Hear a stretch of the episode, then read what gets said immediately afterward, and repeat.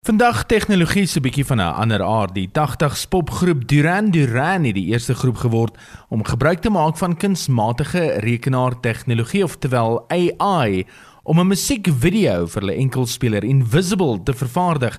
'n Verskeie data is in die rekenaar ingevoer met die liedjie en die rekenaar is oorgelaat om sy eie musiekvideo aan mekaar te sit.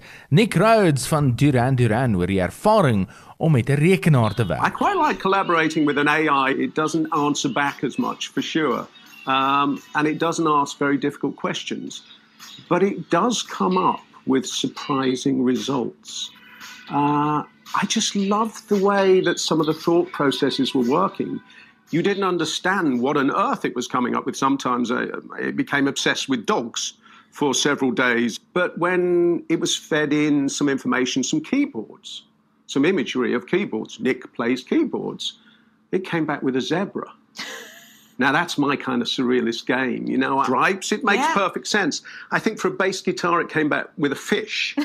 um, but actually, if you think about it, I suppose you know it'd been through its dictionary. Sea bass. Nick Rhodes van Duran Duran en dit is 'n groep wat al die werk oorgelaat het aan 'n rekenaar om vir hulle 'n musiekvideo te maak vir hulle enkelspeler wat vrygestel is in 2021 Invisible.